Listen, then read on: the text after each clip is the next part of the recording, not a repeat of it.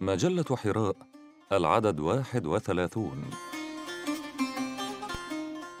فنانة الألوان الحرباء بقلم نور الدين صواش. كائن يملك موهبة يحاكي بها جميع ألوان الطبيعة.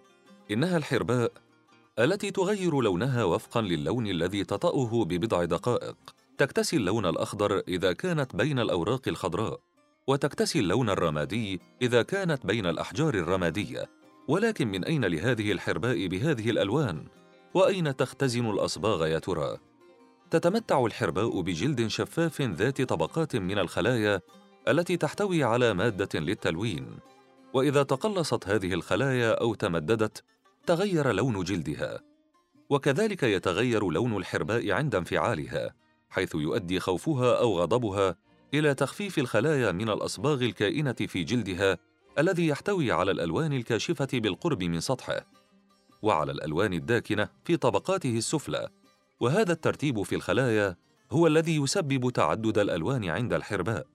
وعن طريق هذه الألوان تمكنت الحرباء من التمويه أو التخفي على أحسن وجه كونها بطيئة الحركة ولا تستطيع التحرك بسرعة.